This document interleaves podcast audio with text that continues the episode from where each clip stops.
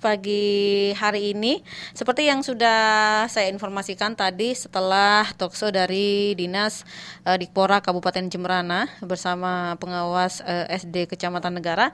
Saat ini saya bersama Dinas Pertanian dan Pangan Kabupaten Jemberana Uh, selamat pagi untuk Anda. Kami akan menginformasikan tentang uh, higienin, higien sanitasi terhadap pengelolaan hasil uh, pertanian. Itu tema yang akan uh, kita bahas uh, pagi menjelang siang hari ini.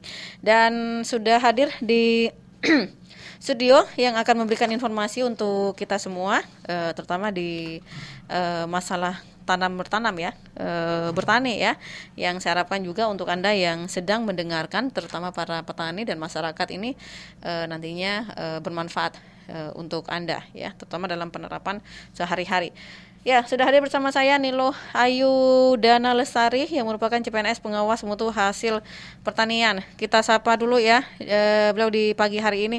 Selamat pagi, Om Swastiastu. Selamat pagi Om Swastiastu Mbak Imel. Ya. Uh, selamat pagi juga untuk seluruh pendengar Radio Ananta Praja Suara di Kabupaten Jemberana khususnya. Semoga selalu dalam keadaan sehat ya semua. Semangat. Iya uh, masih seger ya, hmm, masih masih muda lagi. sekali gitu, separuh umurnya Mbak Imel loh, iya, iya, curhat iya. penyiarnya ya, udah tua ya. Ya, uh, saya panggilnya Ayu atau Dana atau Lestari? Uh, dana aja. Mbak. Oh Dana ya, wah ini kalau sudah Dana mikirnya kalau emak-emak itu sumber dana gitu. Iya. Semoga ya, Asungkara ya. Iya, uh, kabarnya sendiri Dana di pagi hari ini? Uh, Astungkara saya selalu dalam keadaan baik Mbak Imel. Mm -hmm. Itu ya, yang yeah. paling penting ya. Yeah. Iya. Uh, walaupun juga kerjaan uh, banyak ya yeah. mengikuti Lumayan di tengah pandemi ya. Ya ya, ini uh, seperti yang saya informasikan tadi uh, tugasnya pengawas mutu hasil pertanian gitu uh, tema yang dibahas tentang higien sanitasi terhadap pengelolaan hasil uh, pertanian itu sendiri. Uh, Mbak Dana uh, bisa dihadirkan dulu karena pertama kali ya hadir ke studio gitu. Iya, Nextnya nanti uh, baru kita yang lainnya. Uh, tupoksi dari pengawas mutu hasil pertanian itu sendiri apa nih Mbak? Hmm.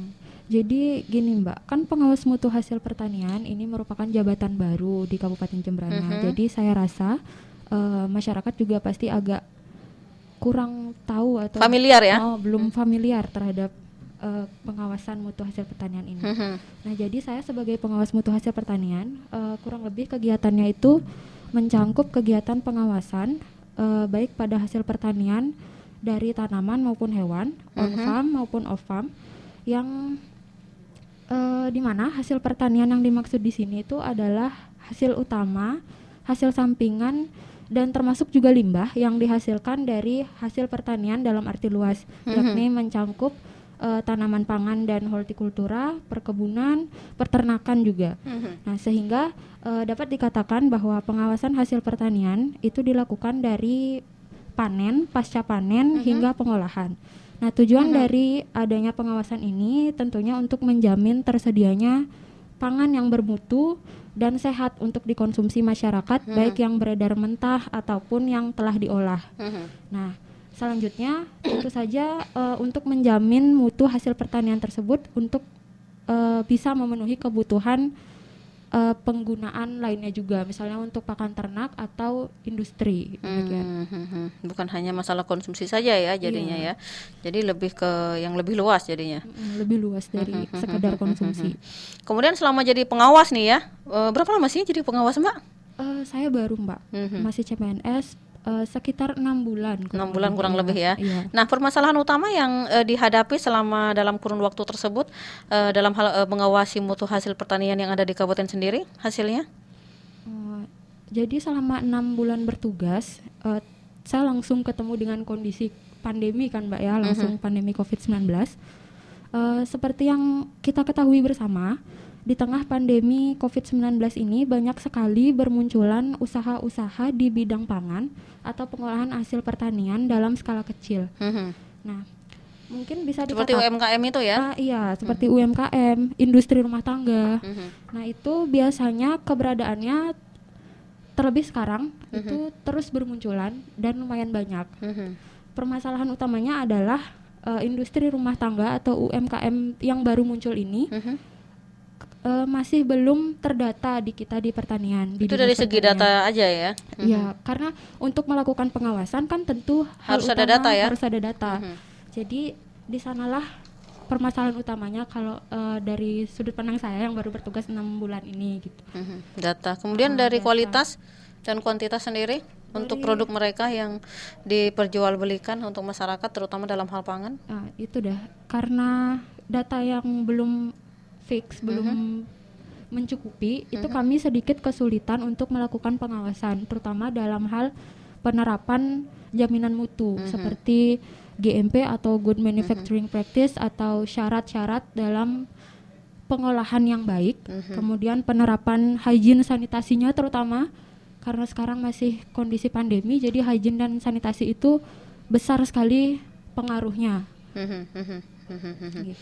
Kemudian uh, yang sudah dilakukan sendiri oleh Mbak Dana nih dan Dinas Pertanian nih menyikapi permasalahan terutama di data dulu deh sebelum ke kuantitas dan kualitas nih. Hmm, jadi uh, kurang lebih selama saya bertugas bersama uh, bersama-sama dengan rekan-rekan di Dinas Pertanian dan Pangan, uh, kami sudah berupaya untuk melakukan pendekatan terhadap masyarakat uh, baik secara langsung maupun melalui penyuluh-penyuluh pertanian uh-huh. dengan mendata terlebih dahulu uh, usaha-usaha masyarakat yang muncul uh-huh. dan uh, melakukan sosialisasi seperti hari ini uh-huh.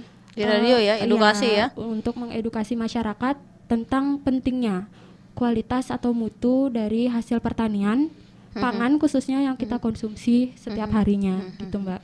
Nah contoh nih, kalau saya sekarang kan di tengah pandemi kan banyak bermunculan UMKM dadakan gitu ya, iya. uh, yang uh, mungkin iseng atau hanya untuk menambah penghasilan, tapi sekarang sudah bisa dijadikan uh, suatu sumber ekonomi kan ya, banyak sekali uh, baik melalui media sosial atau secara langsung. Misalnya saya punya usaha pisang goreng nih mbak, iya. uh -huh, saya harus mendaftar gitu ke oh. dinas pertanian atau bagaimana nih untuk uh, karena tadi ini kan termasuk di data gitu loh iya termasuk di data uh,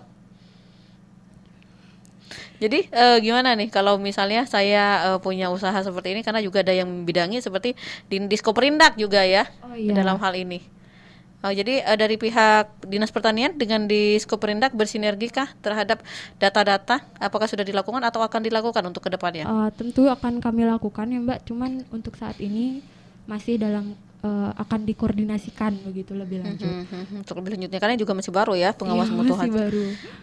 Ini nantinya uh, akan menjadi saingan BPOM kah? Kalau untuk saingan enggak, enggak ya, ya. Oh.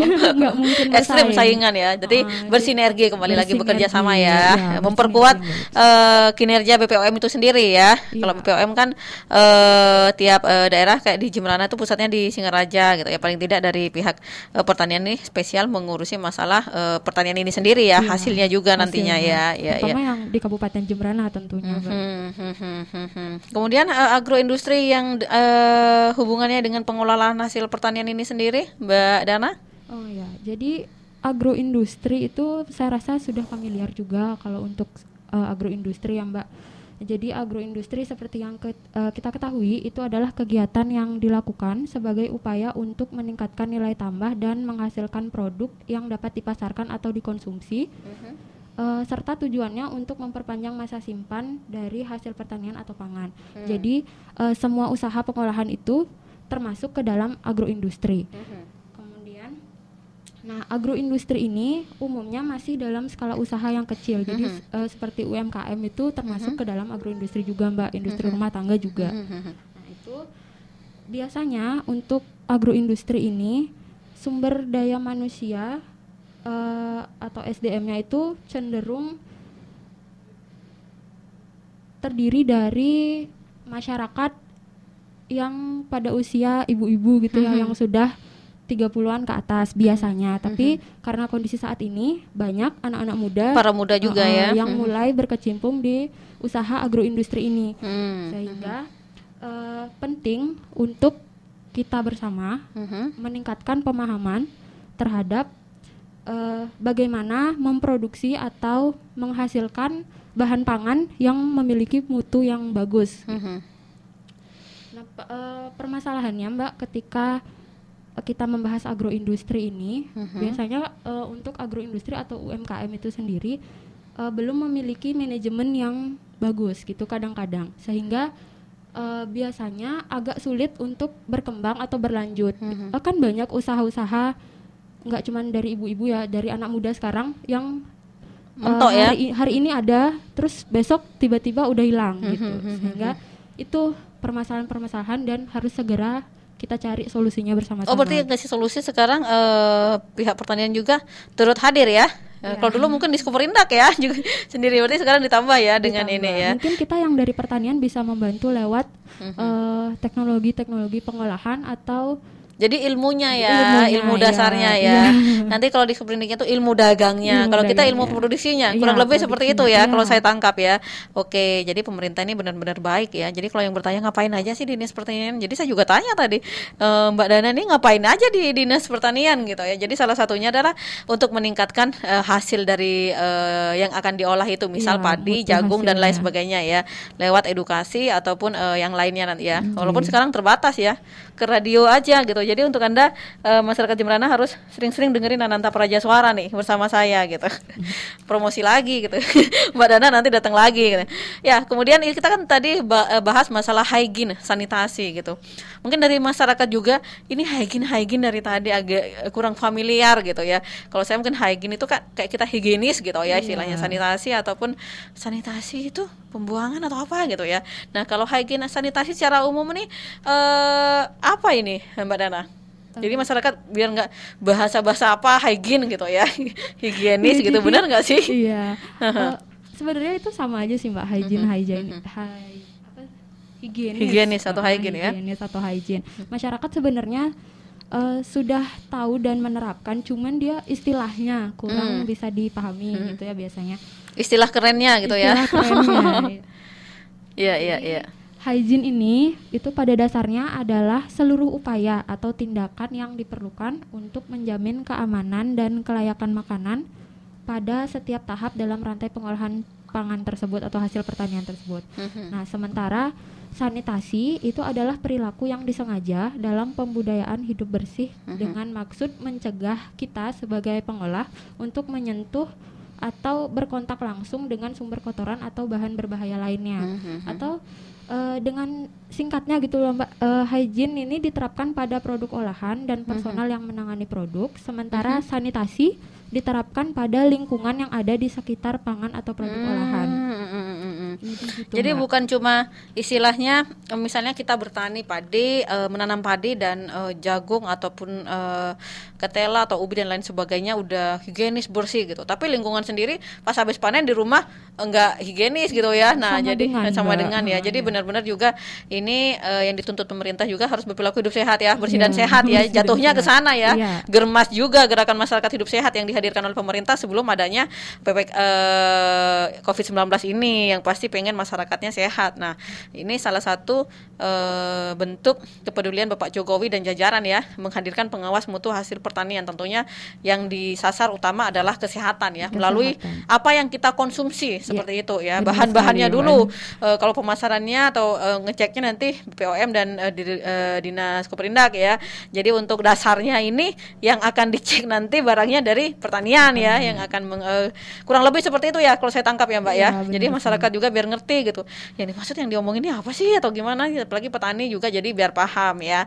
Jadi kemudian uh, standarnya uh, standar sanitasi dari pengolahan itu sendiri. Misalnya saya punya singkong gitu apakah saya harus cuci 10 kali? Gitu. habis air ya. kali habis air PDAM sampai singkongnya. Standar sendirinya uh, standar higien uh, sanitasi ini hmm, sendiri Mbak. Dana jadi standar hygiene sanitasi itu gimana ya saya menjelaskannya uh, dari hygiene sanitasi itu kan salah satu standar dari manajemen mutu gitu ya mbak.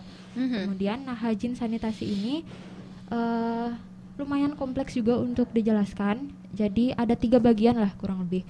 Uh, yaitu yang pertama sanitasi ruang kerja atau ruang pengolahan. Mm-hmm. yang kedua sanitasi sarana atau peralatan yang digunakan dalam pengolahan dan uh-huh. yang ketiga itu hygiene dari personil atau individu pengolahnya. Mm. Nah, jadi untuk jadi tuang, banyak sektor ya semua iya, ya. Ada banyak faktor yang eh, harus faktor sorry. nah, terus untuk ruang pengolahan sendiri, ini saya bahas satu-satu ya Mbak. Mhm. Uh, semoga pendengar juga nggak bosan mendengarkan saya gitu. Mhm. Uh, jadi ruang pengolahan atau dalam hal ini dapur ya Mbak kan Mhm. untuk pengolahan pangan itu untuk memperoleh atau mendapatkan ruang pengolahan atau dapur yang saniter itu dapat diperoleh dengan memperhatikan standar konstruksi dan layout atau tata letak dapur. Mhm. Nah, untuk standar fisik bangunan itu perlu diperhatikan bahwa tembok, lantai, sampai langit-langitnya itu harus terbuat dari bahan padat yang kokoh dan tahan lama. Permukaannya rata, tidak ada lubang, tahan air, minyak, asam, basa dan atau bahan lainnya yang mungkin digunakan pada proses pengolahan. Mhm. Nah, yang selanjutnya itu anti tikus atau hewan hewan-hewan pengerat atau serangga lainnya. Yang selanjutnya tidak mengelupas serta yang terpenting ini adalah dapat dibersihkan dengan mudah gitu. Mhm. Selanjutnya untuk eh, dapur itu sendiri harus memiliki ventilasi atau sirkulasi udara yang baik. Mhm. Eh, nggak boleh pengap gitu loh dapurnya. Mhm. Terus eh, namun perlu juga diperhatikan bahwa ventilasi yang ada itu harus mampu mencegah masuknya serangga atau hama lainnya serta sekali lagi mudah untuk dibersihkan. Yang selanjutnya pen- untuk pencahayaan sama juga demikian. Pencahayaan dalam dapur harus cukup dan dapat mendukung proses produksi. Nah, Mhm. jika dalam ruangan tersebut memerlukan bantuan dari lampu atau sejenisnya itu diusahakan untuk memilih lampu yang tidak merubah warna produk yang kita produksi gitu. Mhm. Nah, kemudian untuk tata letak atau layout, eh, dapur harus memiliki pemisah fisik antara ruang bersih dan ruang hasil produksi eh, dengan ruang kotor atau tempat bahan mentah disimpan. Hmm. Nah, hal ini di- dilakukan untuk mencegah terjadinya kontaminasi eh, pada hasil produksi atau hasil Hmm. olahan gitu ya. Mhm. Nah, terus eh, jadi pada dasarnya untuk layout ini dapur yang baik harus eh, memenuhi dua kriteria, yaitu yang pertama memungkinkan dilakukannya pekerjaan yang runtut mulai Mhm. dari preparasi atau persiapan, Mhm. pengolahan hingga penyajian ser- eh, secara efisien Mhm. serta yang kedua itu mampu menyediakan kondus- eh, kondisi Mhm. bebas kontaminasi silang antara produk olahan, bahan mentah, peralatan kotor dan limbah pengolahan gitu, Mbak. Itu baru satu faktor, Mbak. Itu yang sanitasi ruang kerja atau ruang pengolahan. Terus selanjutnya untuk sanitasi sarana eh, atau peralatan pengolahan. Nah, jadi dalam sanitasi eh, peralatan ini kan banyak jenisnya gitu, Mbak ya. Mhm. Mencangkup eh, seluruh alat yang bersentuhan langsung dengan bahan olahan. Misalnya pemotong, eh, papan potong atau talenan ini biasanya seagak rentan dan sulit untuk dibersihkan. Eh, kemudian ada bak cuci, alat pengaduk, penyaring, sampai eh, kompor atau oven yang kita gunakan. Nah, sehingga eh, alat-alat tersebut itu harus memenuhi persyaratan hygiene sanitasi sebelum digunakan. Mhm. Nah, peralatan-peralatan tersebut eh, sebaiknya ini segera dibersihkan. eh, dalam hal ini dicuci, dibilas, kemudian disanitasi ya segera setelah digunakan. Nah, frekuensi pencucian atau pembersihan dari alat tersebut bergantung pada jenis alat yang digunakan. Untuk peralatan seperti kompor, oven atau sejenisnya itu baiknya dibersihkan minimal sekali dalam sehari. Nah, untuk alat bantu yang tidak bersentuhan langsung dengan olahan itu harus selalu dicek kebersihannya secara berkala untuk menghindari terjadinya penumpukan debu, remahan bahan eh, atau kotoran lainnya gitu. Terus untuk pencucian dan sanitasi peralatan itu dapat dilakukan secara manual maupun dengan mesin atau secara mekanis. Nah, namun pada industri rumah tangga atau industri kecil ini atau UMKM ya Mbak ya, eh, itu biasanya pencucian atau sanitasi peralatan masih dilakukan secara manual. Nah, pembersihan atau peralatan ini bisa dilakukan dengan eh, kurang lebih lima tahapan, Mhm. yaitu yang pertama pre-rinse, yaitu dengan membilas atau disemprot dengan air mengalir untuk menghilangkan kotoran atau sisa olahan yang melekat. Nah, apabila terdapat bahan yang menempel, eh, misalnya kerak gosong gitu ya, eh, itu bisa dilanjutkan dulu dengan tahap perendaman. Yang kedua, pencucian. itu uh, bisa dilakukan dengan menggunakan deterjen atau sabun cuci. Tapi yang perlu diperhatikan di sini adalah penggunaan deterjennya uh, usahakan untuk tidak berlebihan. Soalnya nanti kan bisa menimbulkan residu atau mhm. sisa-sisa uh -huh. nanti di peralatannya. Uh mhm, -huh. Mhm, Kemudian yang ketiga pembilasan itu dengan uh, dilakukan dengan air mengalir atau uh -huh. bisa juga dalam bak cuci, tapi perlu diperhatikan uh, untuk air cuciannya itu harus sering sesering mungkin diganti gitu. Hmm. Selanjutnya sanitasi atau desinfeksi. Nah, hmm. untuk menghilangkan bakteri itu dapat dilakukan dengan merendam peralatan dalam air panas dengan suhu kira-kira 77 derajat Celcius selama kurang lebih 30 detik ya. Uh, atau bisa juga dengan dilakukan dengan menggunakan bahan sanitizer uh, misalnya klorin atau iodin dengan konsentrasi 50 ppm untuk klorin dan 12,5 ppm untuk iodin dalam air bersuhu uh, 24 derajat celcius itu minimal da, satu menit ya lebih boleh. Terus yang terakhir ada drying atau penirisan. Nah dalam pengeringan ini bisa dilakukan dengan lap kering maupun evaporator. Untuk yang dilakukan pengeringan menggunakan lap, usahakan lapnya dalam kondisi bersih dan steril. Iya, iya, itu uh, standar-standarnya ya, Standar. yang uh, kira-kira menurut Mbak uh, Dana ini di Jembrana sendiri sudah semua nggak sih memakai standar ini para UMKM terutama nih? Hmm. Uh, ini standar keduanya ya Mbak, standar hmm. pengolah uh, dapur dan peralatan gitu ya. Hmm. Saya rasa belum sih. Masih ada beberapa yang pasti ini ya. ada aja beberapa yeah, yang yeah. uh, belum. Misalnya kalau untuk dapur kan uh, karena kita terbatas biasanya di tempat ya. Di tempat ya luasan tempat kan agak sul agak susah juga mm-hmm, untuk mengatur mm-hmm. layout yang sesuai mm-hmm. agar bisa memisahkan antara produk mentah dan produk jadi gitu. Kemudian mm-hmm. uh, untuk sanitasi peralatan juga saya rasa pasti kebanyakan meninggalkan proses sanitasi hmm. atau uh, eh, desinfeksinya yang tidak dilakukan gitu. Hmm. Paling biasanya kan hanya dicuci, dibilas, dikeringkan gitu aja kan, Mbak ya hmm. biasanya. Hmm. Uh, saya rasa jarang yang yang melakukan sanitasi atau desinfeksi. Berarti tugas berat ya buat Mbak Dana ke depannya ini yeah. ya, iya. mengedukasi ya uh, masyarakat agar lebih berperilaku hidup bersih dan sehat ya, terutama dalam hal uh, pangan ini sendiri karena kita akan konsumsi nantinya ya. Kemudian uh, jadi tentunya akan ada dampak yang terjadi jika standar-standar hygiene sanitasi ini tidak diterapkan gitu ya. Iya. Dan mestinya masyarakat sudah secara umum juga sadar kalau saya misalnya istilah kotor atau kotor itu ada dampaknya. Misalnya salah satunya secara umum diare.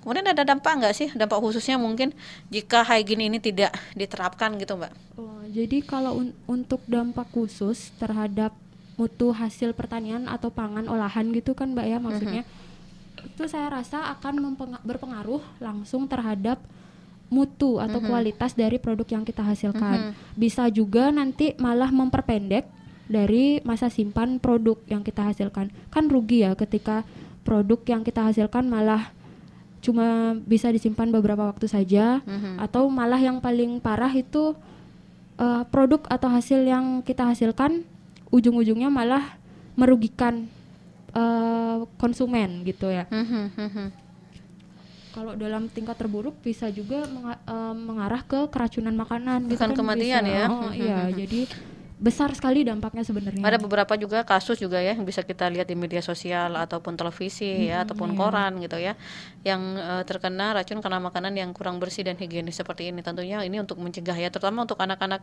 uh, sekolah SD ya. Iya, uh, itu yang ini uh, berarti uh, ketugas berat nih. Kemudian apa sih yang perlu ditekankan juga dalam sanitasi peralatan terutama untuk para industri rumah tangga uh, di lingkup terkecil ini dulu? yang ditekankan secara uh, umum gitu mbak. Kalau tadi kan spesial spesial gitu loh. Oh iya, iya. yang harus ditekankan secara umum saya rasa misalnya kesadaran saya kita, okay, sadar ya. kesadaran kita. Jadi jangan jangan berpikir bahwa uh, makanan yang kita jual bukan dikonsumsi sendiri gitu ya. Hmm, kan iya. biasanya seperti itu ya. Masa eh bukan kita yang makan gitu ya. Takut yang ditakutkan kan seperti itu iya, mbak. iya. makanya kesadaran nih faktor penting tapi juga susah untuk kita kan nggak bisa ya mengoreksi kesadaran orang lain kecuali kita lihat langsung gitu. Mm -hmm. baru bisa Iya iya iya. Uh, jadi benar-benar uh, kesadaran secara pribadi ya Mm, pribadi. bahwa uh, yang kita buat tentunya untuk dikonsumsi orang banyak yang pastinya orang juga membutuhkan kesehatan itu apalagi di tengah pandemi bukan asal enak atau laris aja dagangan ya. Mm, iya. Tapi hal-hal yang uh, disebutkan tadi juga uh, sudah dilaksanakan ya. Iya, iya, ini menarik sekali ya, Mbak Dana ya. Eh, sebenarnya masih banyak pertanyaan, tapi waktunya udah mau habis nih. ya, mungkin ada eh, closing statement yang ingin disampaikan terkait tema kita tentang hygiene sanitasi terhadap eh, pengolahan hasil eh, pertanian ini sendiri. Silahkan. Oh gitu. Eh, jadi untuk pendengar Ananta Praja Suara FM, khususnya masyarakat Jembrana, eh, men- eh, seluruhnya ya tidak ada batasan umur. Saya rasa untuk hal ini. Jadi untuk penerapan hygiene sanitasi dalam pengolahan hasil pertanian ini merupakan tanggung jawab besar untuk kita bersama lakukan gitu ya. Eh, bukan hanya tanggung jawab dari produsen atau pengolah saja, tapi kita sebagai konsumen harus juga paham dan menerapkan juga hygiene sanitasi dalam pengolahan makanan karena saya rasa bahkan setiap dapur di Kabupaten Jembrana pasti melakukan pengolahan untuk konsumsinya sehari-hari gitu ya. Jadi saya mengundang dan mengajak masyarakat seluruhnya untuk kembali mengetahui, memahami dan bercermin kembali apakah kita semua sudah menerapkan hygiene sanitasi ini dengan baik dan benar. Eh, walaupun ini juga dikonsumsi sendiri nanti pangannya ya. Iya, tentu Ada juga yang dikonsumsi sendiri itu juga nggak higien loh di sebelah-sebelah ya, Mbak ya. Iya. Eh, yang harusnya misalnya bumbu dan lain dicuci langsung potong, Langsung gitu. potong. Itu salah satu contoh kecil tapi sebenarnya berdampak besar kalau Hmm, Katanya dari zaman dulu udah seperti ini gitu. Itu yang perlu diedukasi ya. Mungkin iya. zaman dulu yang dimakan juga eh, ba- eh, dari hewaninya juga, dari bahannya juga, pupuknya masih alami dan lain sebagainya. Jadi masih eh, lebih minim ya eh, dampak-dampaknya. Kalau sekarang semua serba instan, serba modern ya. Jadi juga harus lebih diketatkan masalah higienis ini dan kebersihan nih. Istilahnya kebersihan gitu ya. Iya, kebersihan. gitu. Kalau udah bersih, yang kurang cantik pun jadi cantik gitu. Makanan juga yang kurang enak kalau udah bersih kelihatan enak gitu ya. Jadi itu intinya agar kita eh, memper- memperhatikan apa yang kita olah ya Mbak ya. Itu intinya ya Iya, bahwa yang kita konsumsi sendiri baik orang lain. Ya ya. Terima kasih. Sukses selalu Mbak Dana. Ya, terima kasih juga, menjadi Mbak pengawas Ina. mutu hasil pertanian gitu. Kapan-kapan mutu pertanian saya diawasin dong. ya, baik. Astagfirullah. Oke, pendengar itu dia bincang saya dengan sekali lagi nih loh Ayu dan Alestari yang merupakan pengawas mutu hasil pertanian dari Dinas Pertanian dan Pangan Kabupaten Jembrana. Dengan harapan yang kami hadirkan tentang hygiene sanitasi terhadap pengolahan hasil pertanian ini bermanfaat ya. Paling enggak eh, informasi dulu ya nantinya eh, diharapkan bisa diterapkan dalam kehidupan sehari-hari baik di lingkup terkecil industri rumah tangga atau lingkup lainnya. Saya email beserta Ayu dan Alstari pamit undur. Mohon maaf bila ada salah kata. Salam bahagia dan sampai jumpa.